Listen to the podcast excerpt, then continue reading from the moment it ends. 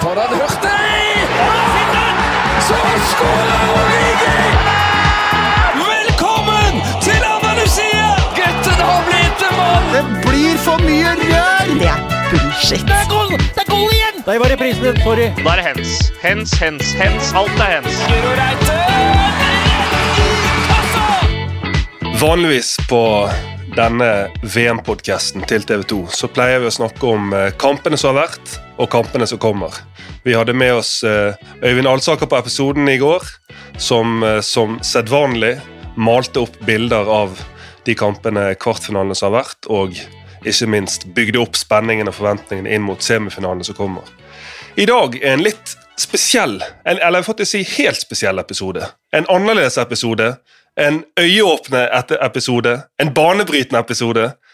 Vi har, eh, det har jo vært, etter hvert nå i VM, ekstremt mye eh, fokus på, naturligvis. Straffer, straffekonkurranser, spenningen der. Senest var det straffer i kampen. Harry Kane skårte først, bommet etterpå. Det ble skjebnesvangert for han, for England. Så når det har blitt så mange straffer, alle sitter og kjenner på denne spenningen Det er jo noe av det mest nervepirrende som fins i fotball, straffekonk. Så hvem, annen enn verdens aller fremste ekspert på straffer i hele verden, Geir Jorde, professor i idrettspsykologi på Norges idrettshøgskole, og altså verdens fremste ekspert på straffer. Geir, du, velkommen eh, først og fremst til eh, VM-podkasten. Tusen takk. ja, og Nå har du, nå har du spent forventningene høyt her, syns jeg. Ja, det liker jeg å gjøre med alle gjestene. Ja. Da vet jeg at de, at de eh, Da vet jeg at de pleier å rette seg opp i ryggen og være helt påskrudd i forhold til det som kommer. Ja, vi får prøve. Um, du, du kan jo bare jeg, meg og deg har jo hatt gleden av å jobbe sammen um, tett i, i en periode på det som handler om kroppsspråk. Men um, du kan jo gi de som hører på som ikke kjenner til deg eh, like godt, en kort gjennomgang av hvem du er, og hva, hva du har gjort eh, frem til vi sitter her nå. Ja, um, ok. Uh, ja, jeg er professor på Idrettshøgskolen, forsker og underviser der i psykologi og fotball, stort sett. Um, det blir stort sett fotball, det er jo idrettspsykologi, uh, men uh, studentene mine er nok lei av fotballeksempler, og hva gjelder forskning, så prøvde jeg meg ett år på å publisere en artikkel på skihopp. Og når jeg hadde fått den refusert fra det tiende tidsskriftet, så skjønte jeg at det var ikke min greie. Så det er fotball og psykologi. Uh, og mange temaer, straffespark som vi skal snakke om, er ett. Kroppsspråk er et annet. Persepsjon kjenner flere til. Læring, anvendt psykologi i fotball, mye sånt. Og jobber også en del som rådgiver, konsulent, og er inne og ute og snakker med fotballspillere, trenere og lag, og trives veldig godt med det. Og så, altså i forhold til eh, Når jeg sier at du er verdens fremste på straffer, så er det jo ikke på spøk. Hvor, altså, hvor mye tid har du brukt på straffer? Hvordan har du over tid jobbet med det. Hva er det du har sett på, hva du har kommet fram til? Det er jo et enormt arbeid som ligger bak uh, den, den tittelen som gir deg. ja. Det, det, det, var en besettelse en periode, jeg må jo si det sånn. Altså det, var, det var fem år når jeg starta når jeg, når jeg bodde noen år i Nederland, uh, der alt jeg gjorde, var egentlig straffespark. Um, og det var en veldig sånn organisk oppbygd periode, på den måten at jeg, at jeg, fikk muligheten til å jobbe med noen lag, med nederlandske landslag. Og parallelt med den jobbinga der, så forska jeg. Og hele greia var at jeg, fordi jeg visste at jeg skulle inn og snakke med nederlandske spillere og trenere på rimelig bra nivå, så, så måtte jeg ha med meg noe som var litt mer enn synsing og fluffy teorier. Så da måtte jeg ha med meg noen fakta. Så da dykka jeg inn i videoklipp og, og skaffa etter hvert en database med alt av, straffe, alt av straffer, straffekonker i VM, EM og Champions League fra tidlig 70-tallet og fram til, til da. Eh, og så har den besettelsen siden den, siden den tid liksom gått litt til og fra, men den er jo der hele tiden. Så når, når det kommer et, et VM, så, så, våkner jo den igjen, da. Men hva var det som gjorde at du havnet på, altså at du valgte å fokusere så mye på straffer i sin tid? Det er, det er mange historier som kan uh, gi lys på akkurat det, og jeg har lurt på det sjøl av og til. Men det korte svaret, da, eller kort, jeg vet ikke, men det er, det er at det er uh, når, når, du er interessert i fotballpsykologi, så blir det jo ikke mer ekstremt enn akkurat det. Um, og den kan jo si det på en annen måte også, Hvis en er interessert i prestasjonspsykologi og press og håndtering av stress osv., så, videre, så blir det heller ikke mer ekstremt enn akkurat det.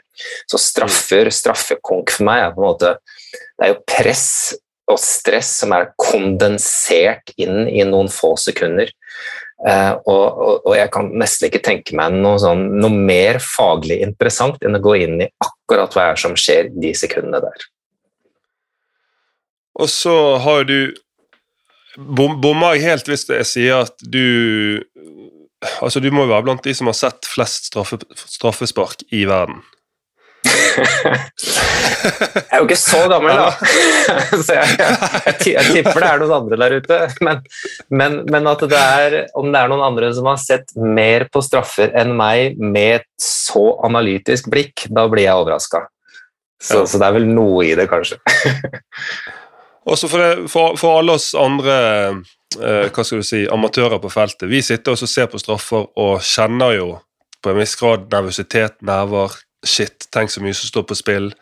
Den ene spilleren som skal gå fram for å ta straffe. Men når du ser på straffer, og når du ser på VM nå, hva er det du ser på? når jeg ser på en kamp, så, så, så, så, tror jeg ikke jeg skiller meg egentlig sånn veldig mye fra andre. Altså når jeg ser på kampen der og da, um, mm.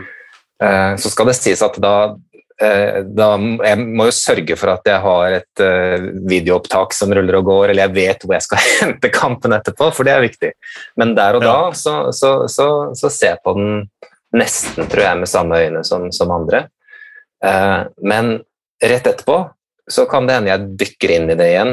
Og og, og seinere samme dag kveld, og i hvert fall neste morgen, så er jeg inne i det. Og da, og da, blir det en voldsom prosess. Og da er det en prosess som kan ta veldig lang tid. Der jeg mm både må på en måte danne meg et nytt bilde av det som har skjedd, altså få en sånn helhetsforståelse av hva er det egentlig som skjedde her. For det, altså det er så mye drama som kan, mm. kan, komme opp. Vi har hatt eksempler på det også i VM nå, der det er, liksom, det er helt vanvittige ting som skjer, i hvert fall i min verden vanvittige. Eh, pluss at jeg går inn og ser på en del sånne standardvariabler da, som jeg alltid ser på, uh, for å sørge for at jeg ikke går glipp av noe mer sånn grunnleggende statistisk. Så det er ganske mange forskjellige lag og måter jeg, jeg, jeg ser på dette. Men hvis vi ser på f.eks. straffekonk, før vi begynner å snakke om de straffekonkene som har vært, så har du funnet ut en del ting som øker eller reduserer sannsynligheten for at en spiller skal skåre på straffe i en straffekonk. Hva, hva er eksempler på det som du har, du har sett? Um, ja, det er, det er, ganske mange forskjellige innganger til det. Og det er uh, og så må jeg si, da, siden dette er en podkast og vi har litt mer tid kanskje enn enkelte andre anledninger, at dette er jo komplekst. For at det, det, mm. det jeg har sett på i, i forskninga mi, eh, var veldig intenst fram til en viss periode. Fram til sånn 2011-2012, og det er ti år siden. Eh, og da kom det fram en del veldig tydelige ting som, som, siden har blitt gjenfortalt i medier, og jeg hører dem av kommentatorer osv. hele tiden. Men det er jo ikke nødvendigvis eh, fortsatt tilfellet nå. Eh, og det er jo interessant. Så sånn som f.eks. Ja, rekkefølge på skudd, altså hvilke skudd som skåres oftest, der vi, der vi, fant tidlig at, eh, at seinere i straffekonken så skåres det sjeldnere. Altså på skudd nummer mm. fire, fem og utover så skåres det færre enn på én, to og tre. Dette med superstjerner er jo alltid interessant. At de største stjernene de, de, de misser mer enn de vanlige spillerne. Uh, og det, det, det, er også eksempler på ting som ikke, ikke har holdt seg fullt så godt da, de siste åra. Så, så her, her, skjer det litt sånn forflytninger i, i, materialet. Men så er det noen ting som holder seg, og et eksempel på det er dette som går på historie. Uh, at uh, et lag som begynner å vinne straffekonker, de fortsetter gjerne å vinne straffekonker, for de skårer rett og slett på flere straffer. Og et lag som begynner å tape straffekonker, Ja, de skårer på færre straffer. Um, og, jeg, og jeg, da tenker jeg umiddelbart Kroatia som et lag som, som nå har en god feeling på straffekonker. Og så tenker jeg selvfølgelig på England, som ja. er livredd for straffer. Ja, og, og, og, det, og Kroatia er et kjempeeksempel på akkurat det. For de, de, har vunnet nå hvor mange konker på rad? Er det tre eller fire eller noe sånt nå? Ja, tre eller fire. Det er i hvert fall eh, De er jo nesten sånn de smiler når de skal Ja, i hvert fall inni seg. og, det, og, det, vi fant tidlig på det der, ikke sant? det er at hvis du har vunnet to eller flere straffekonker på rad når du går inn i en straffekonk nå, så treffer du på godt over 90-92% av dine spark. Og, og, det holder stort sett til å vinne den neste også, og da er du inne i en god spiral. Men er det, det kommer av mestringstro, altså at du, du, har gjort det før så du vet at du kan, og du tror at du skal klare det igjen? Ja, jeg tror det. Jeg tror at det er så enkelt som eller så enkelt og så vanskelig. Altså det at du har med deg en, en veldig sånn situasjonsspesifikk selvtillit knytta til at dette her, dette mestrer jeg, dette mestrer vi. Og så er det litt interessant at dette her er, er generelt til laget, selv om den siste straffekonken som dette laget tok del i, da var ikke du som enkeltspiller med i det hele tatt, og kanskje det skjedde for mm. tolv år siden, men likevel så er denne effekten der eh, vedlikeholdt. Og så er den enda mer dramatisk da på de som taper, for hvis du begynner å tape straffekonker, så, så treffer du på sånn ca. 55% av dine spark som enkeltspiller, og da skal det litt til å vinne. I snitt så treffer en spiller i straffekonk Er det noen og 70% Ja, jeg vil si ca. sånn ja. 75. Ja. Sånn at hvis du er nede på 55% for, for et lag, er det dramatisk Da skal det litt til. det skal jo det.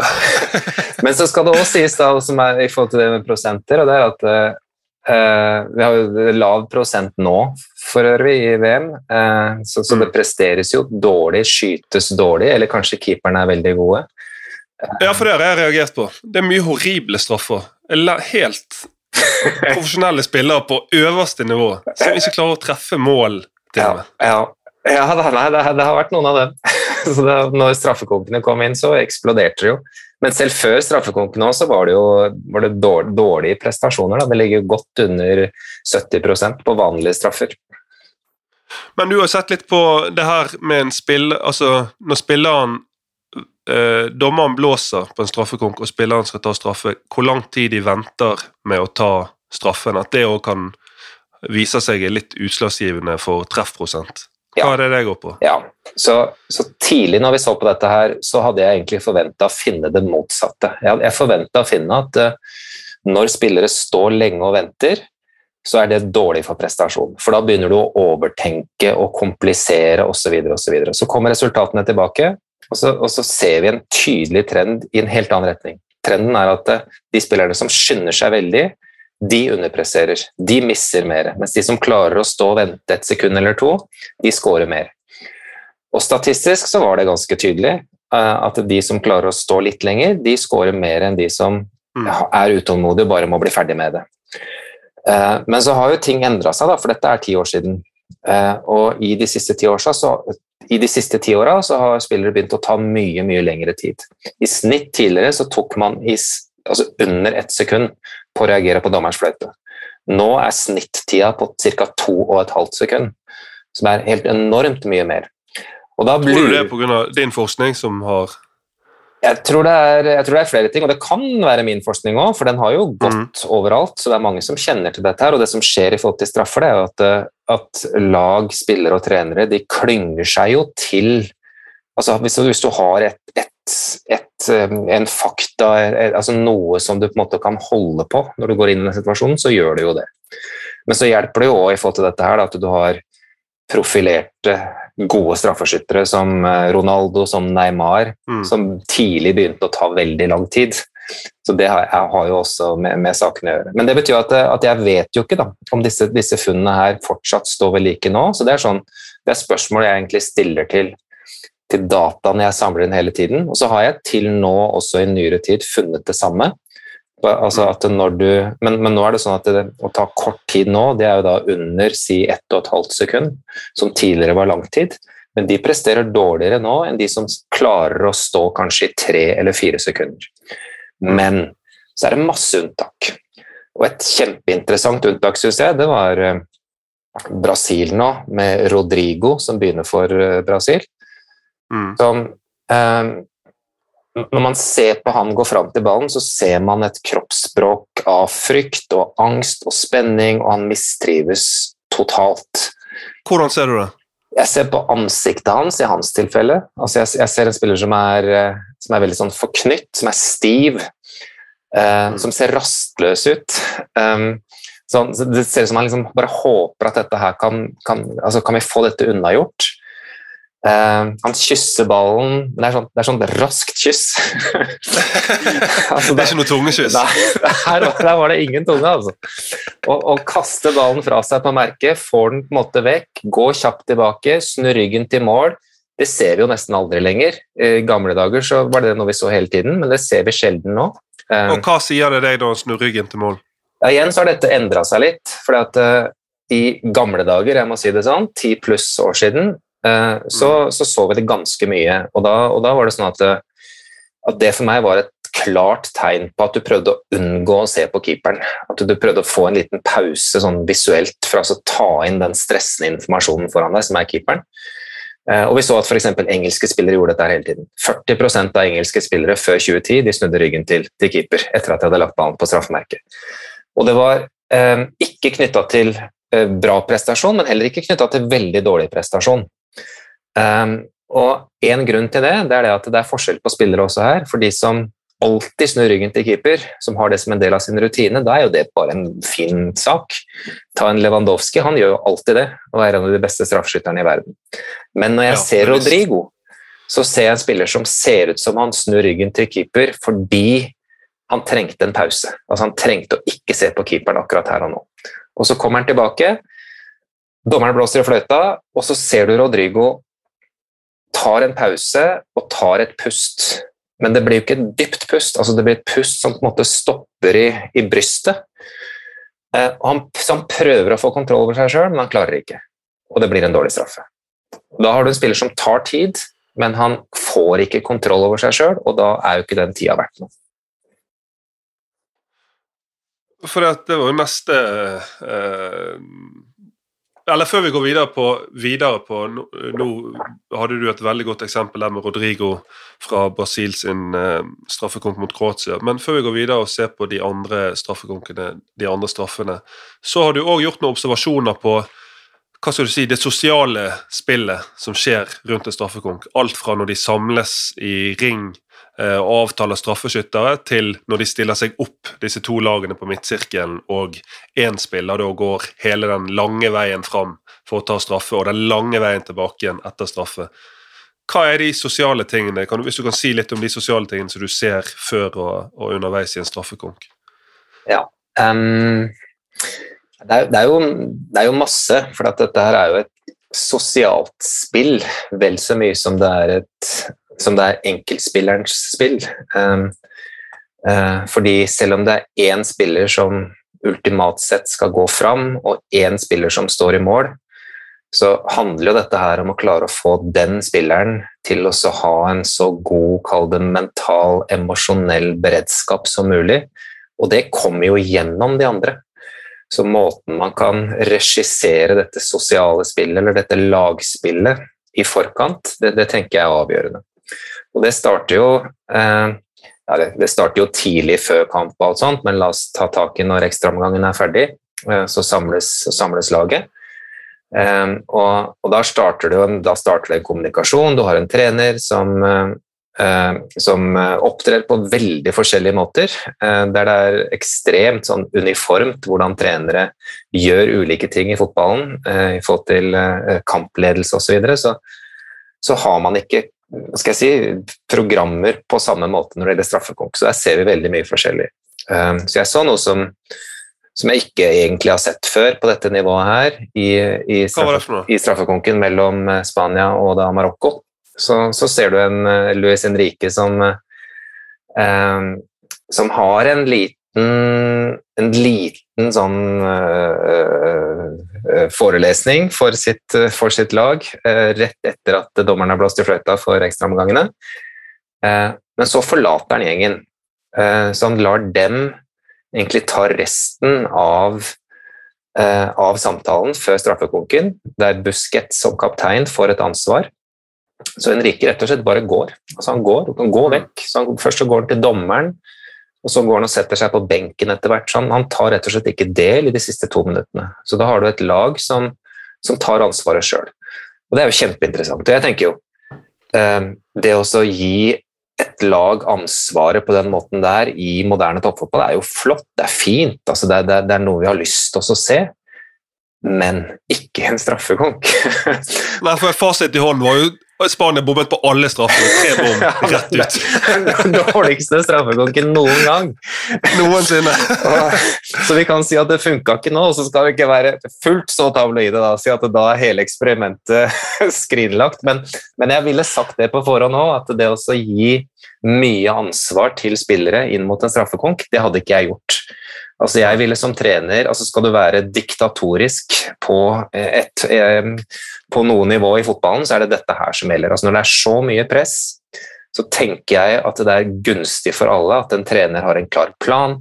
Han forteller hvem som skal ta straffer, han kan fortelle dem hvordan de skal gjøre det, hva de skal gjøre, hva de skal være opptatt av. Det tror jeg gir trygghet. Og jeg mistenker at det motsatte skjedde her, og det er fryktelig interessant. Mine tanker går eh, Nå er vi på VM 2022, men mine tanker går litt til eh, EM 2021 og Italia. Eh, og den straffekonken der, der var det òg mye å ta tak i, og du har jo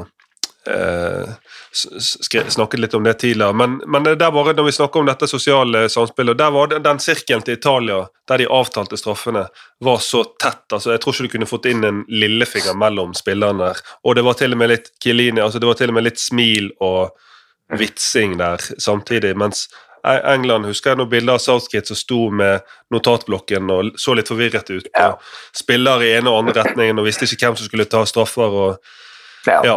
Det så rotete ut. Ja, ja. Helt, helt, helt enig. Altså, jeg, jeg, tror det handler om i den derre uh, huddlen, eller den, den, den, du lager før du går inn, at du, at du klarer å skape sånt, en sånn god, positiv intensitet, en lagfølelse og et fokus som på en måte bare drar deg inn i en slags mindset som, som, som gjør at, at, dette kollektivet kan smitte over på enkeltspilleren. Mens det som vi så med England i den straffekonken, vi har sett i andre lag seinere, jeg gjorde et poeng på Twitter for noen måneder siden av, av forskjellen på Chelsea og Liverpool i FA Cup-finalen, var det vel.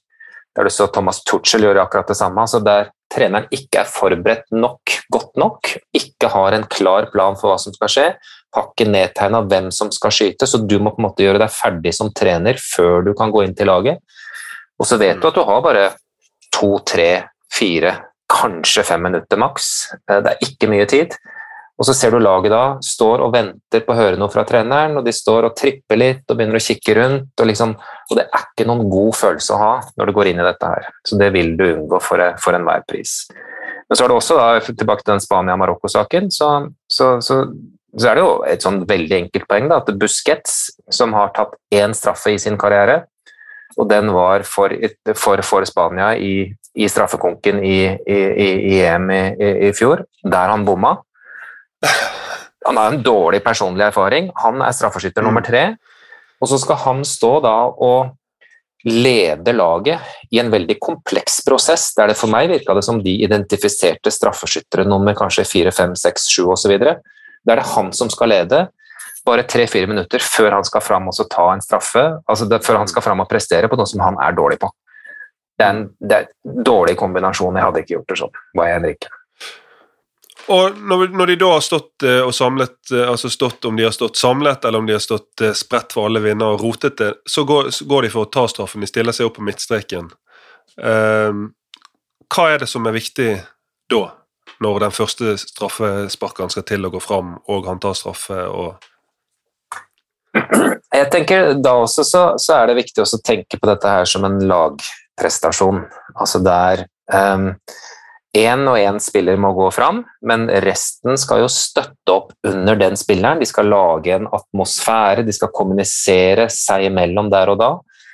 Um, uh, for å sørge for at uh, den spilleren går fram med trygghet, med mot, med fokus osv. Det er jo lettere sagt enn gjort, selvfølgelig, alle disse tingene her. Men det som ofte skjer, det er det at man ikke har noen plan. Man har ikke snakka om hvordan vi skal forholde oss til det som Mm. skjer i midtsirkelen. Og da er det tryggest å holde kjeft. Og da har du en sånn som jeg har hørt spillere jeg har intervjua snakke om, eh, en stemning i midtsirkelen som er Det var stille som i graven. Og det er jo ikke noen god atmosfære å ha før du skal gå fram og ta et, et ekstremt viktig spark. Og så kan du bruke det som skjer da underveis til å så- så naturlig skape litt stemning. Altså det blir jo skåringer og kanskje noen redninger osv. Når ditt lag skårer, så tenker jeg du skal ta en liten dans, eller i hvert fall juble litt, og bare markere at dette her var bra. Og gjerne på en måte bryte ut av den der formasjonen som du har, har, har inntatt, som jeg tenker også kan være bra for stive lår og legger. For noen av disse spillerne har jo, har jo spilt i 120 minutter, og så skal du stå stille i fem minutter, igjen rett før du skal ta kanskje det viktigste sparket i din karriere. Så det kan være lurt å bevege litt på seg Ja, ja. underveis. Og så har du sett på at de som Eller sikkert uavhengig om du bommer eller scorer, men i hvert fall hvis, hvis den som bommer i en straffekonk, hvor viktig det er da at noen av spillerne bryter ut fra den rekken på midtstreken og går frem for å hente den spilleren tilbake igjen i gruppen. Ja. Det handler om at vi mennesker er flokkdyr, eller hva handler det om? Ja, det er jo, vi er jo så enkle som det. Altså, vi, er, vi er mennesker først, da, og fotballspillere som nummer to. Så det er jo at når, når, du har, eh, når du har gjort noe som er ordentlig kjipt, vanskelig, og du har det, du har det, du har det utrolig dårlig, eh, så er det klart du har lyst til å komme tilbake i gruppa igjen og få et lite klapp på ryggen og, og en beskjed om at dette her går greit. Dette her er ålreit. Og den beskjeden skal komme så fort som mulig.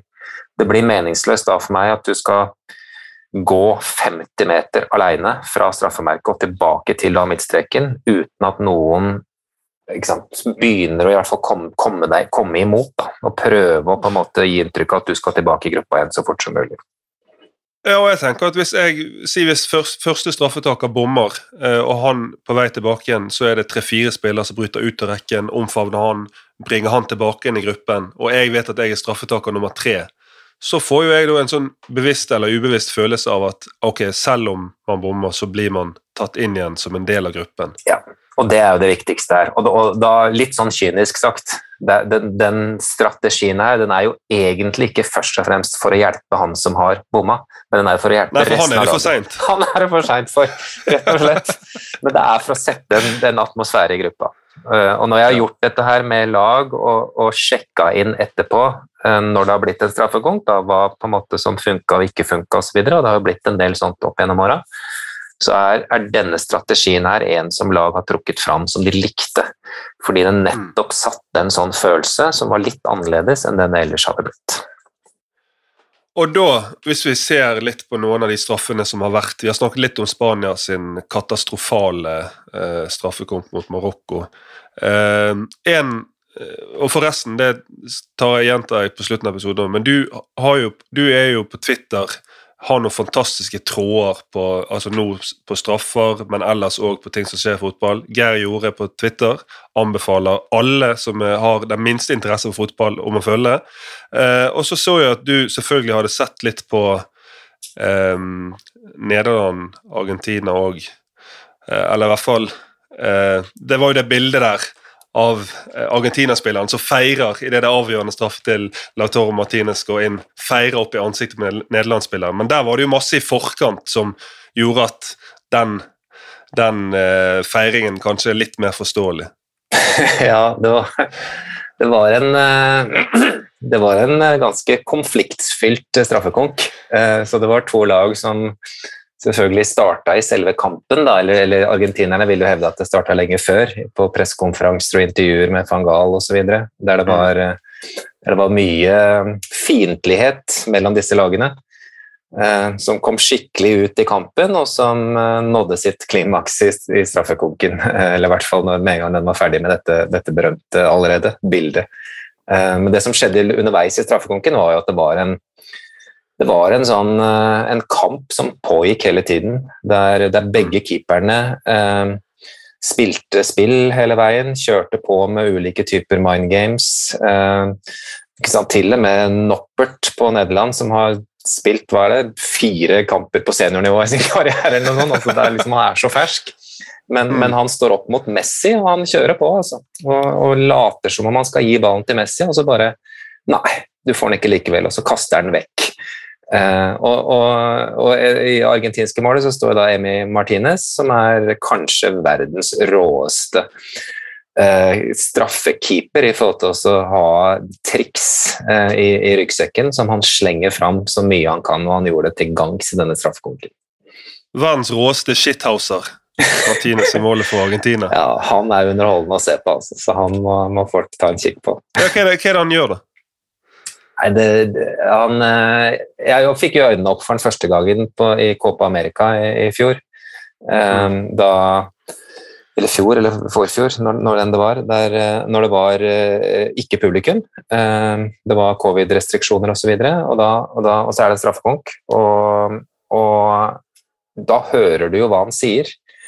For han snakka altså Det var uh, shit-talking uh, hele veien. Uh, så han slang diverse gloser til disse colombianske straffeskytterne.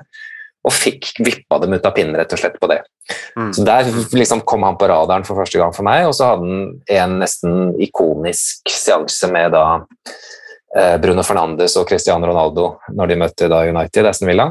Der Bruno Fernandes gjør seg klar til å ta uh, straffa på slutten. Det er avgjørende, det er uavgjort, han kan avgjøre med dette. Og Martinez er, er framme hos, hos, Fernandes og, og, begynner å snakke til ham. Og så kommer det fram etterpå det han sier, og han holder det gående da, i nesten et halvt minutt. Og det han sier da, til Fernandes, det er 'hvorfor er det du som tar straffa'? Hvorfor, hvorfor, hvorfor ikke Cristiano Ronaldo? Og så peker han på Ronaldo og snakker til Ronaldo. Men det han hele tiden gjør, er jo å snakke til Fernandes og prøve å få inn i bakhuet hans at hvis du misser nå, så er det Ronaldo som tar det neste. Og Fram til det punktet der så hadde Fernandes skåret på var det tolv på rad, og det stoppa på tolv. det blei med det. Så han er et uvær altså, i den situasjonen her. Fantastisk å se på. Og så uh, Tiden flyr, men avslutningsvis så må vi dykke litt inn i hjertesorgen til England, Harry Kane sine to straffer. Eh, hvis jeg skal fra mitt amatørsynspunkt igjen gi min analyse av den første straffen så altså Jeg har jo sett litt av ditt arbeid, sett eh, hørt deg beskrive det her med å ta seg tid, dype innpust ned i magen. Eh, altså Bruke blikket bevisst. Eh, og, det, og, på det første straffen så bare fikk jeg feeling at Kane gjør veldig mye riktig. Han eh, ser ut som han er veldig bevisst på hvor han fester blikket. Han ser på ballen, han ser opp på storskjermen, og så ser han på keeper. og du ser liksom Det er null flakking i blikket. Han tar seg tid, og så, og så blir jo han avbrutt, og det er mye styr, eh, andre spillere og ting som skjer, som gjør at dommeren ikke vil blåse for straffe. Og så for hver gang han blir avbrutt eller distrahert, så går han fram igjen til ballen legger den til rette på ny, og så virker det som at da tar han kontroll om situasjonen igjen. Og så går han tilbake igjen igjen, gjør den samme rutinen, dype innpust, og så bare banker han den ballen inn uttagbart. For meg ser det ut som en sånn hva skal du si fra et psykologisk perspektiv, som en perfekt gjennomført, ekstremt presset straffe. Mm. Hva tenkte du om den første straffen til Kane?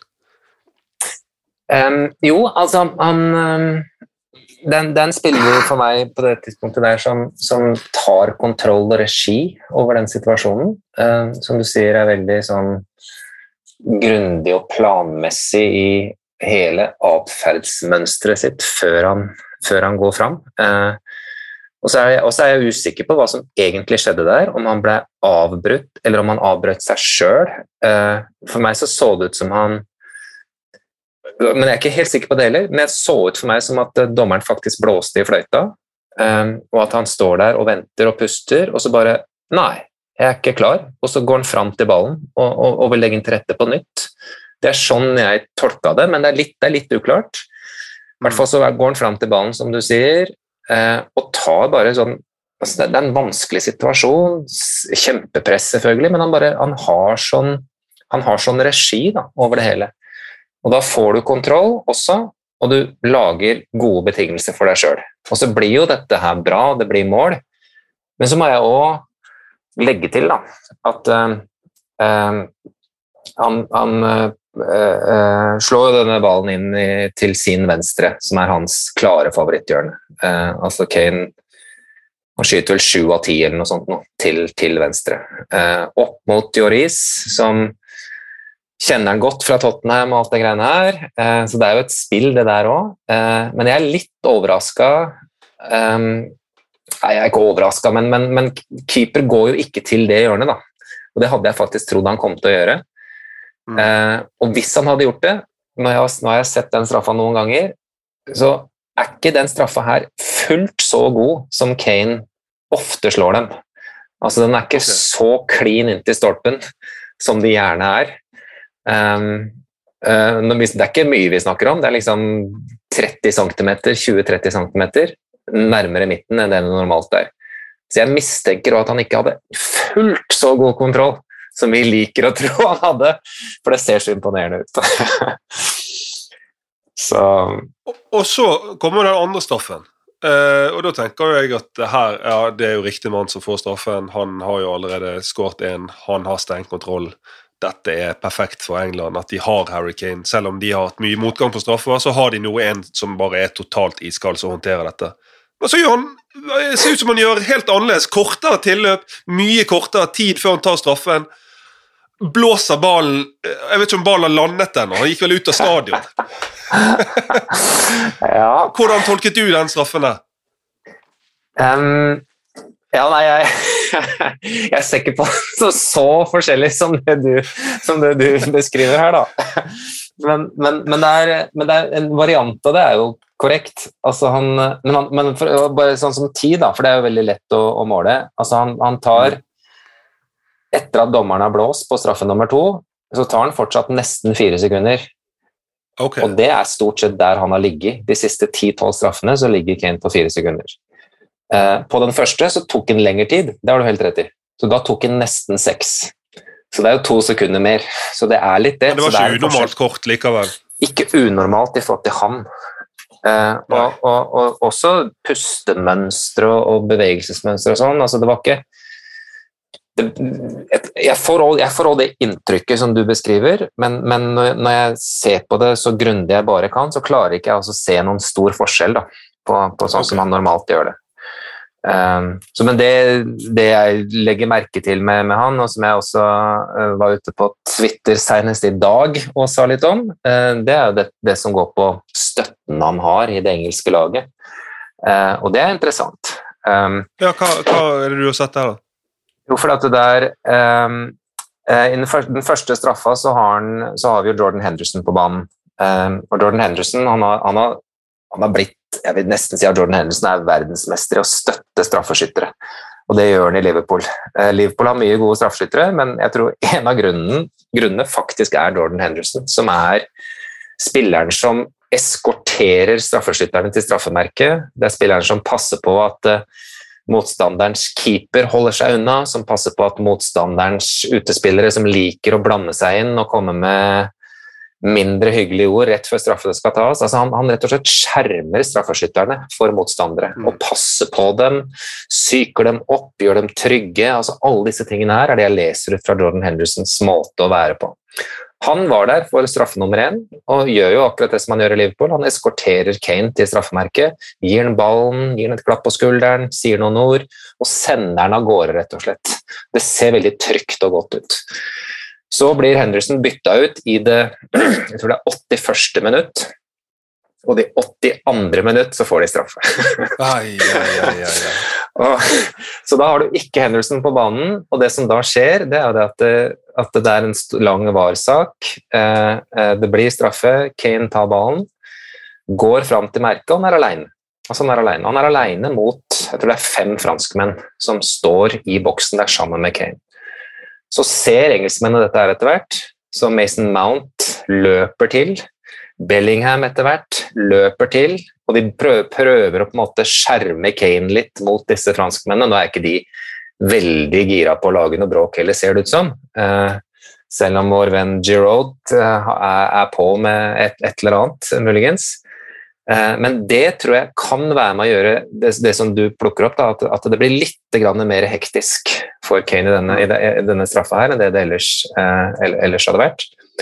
Um, og, og, da, og, så, og, så, kommer straffa, og det går skeis. Eh, og så er det like interessant for meg da, å se på det som skjer da.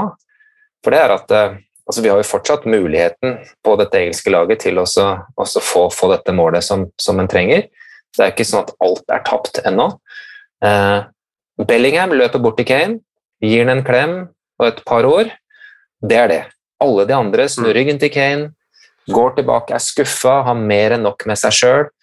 Så er det sånn ja, Trenger du å gå bort til han? Altså, skal alle gå bort til han? Nei, det, du trenger jo ikke det, men, men det er sånn, det er tegn, det òg, da. Altså hvis, hvis, vi mm. kan også stå sammen i det bitte lille nederlaget, i hvert fall noe mer enn bare én spiller som går bort og sier 'dette går bra'.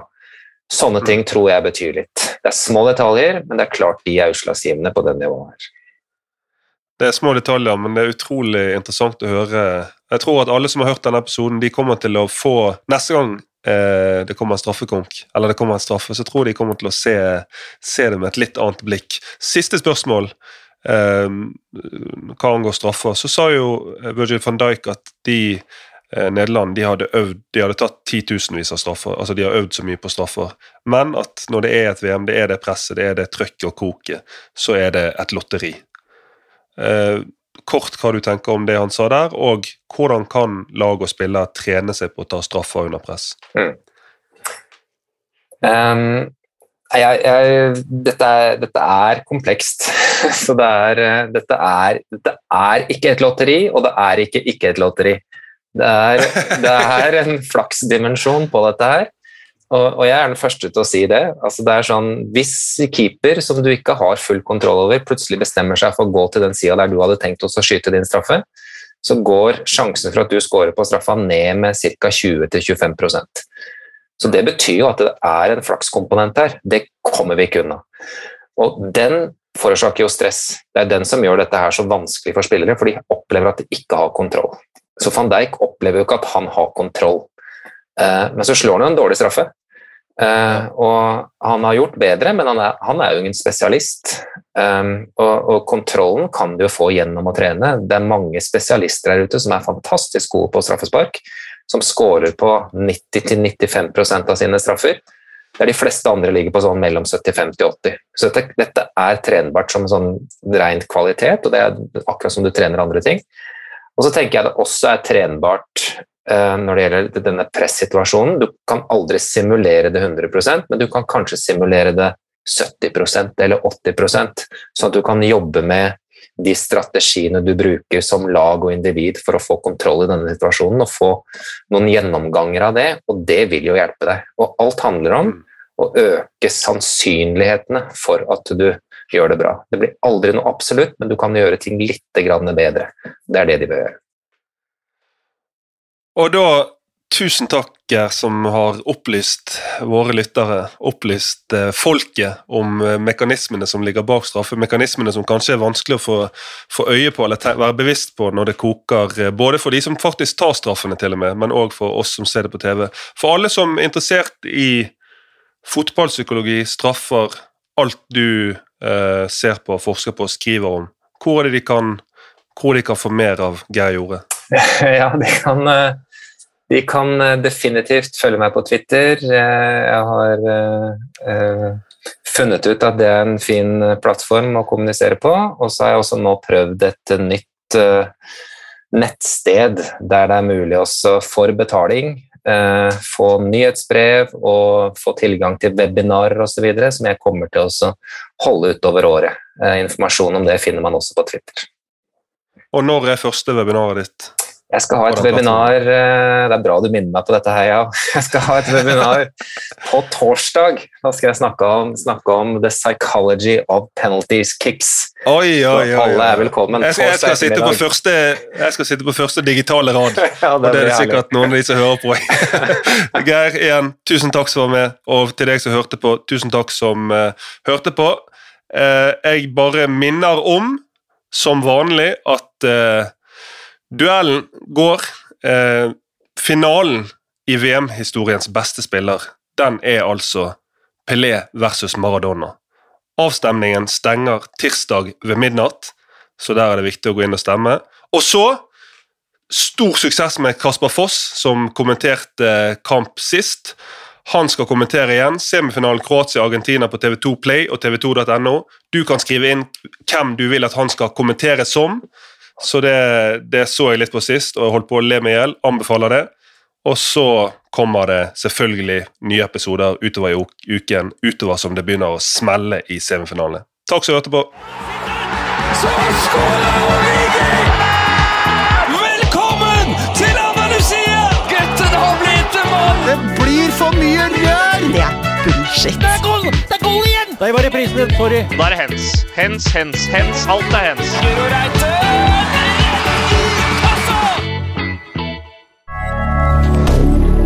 Moderne media.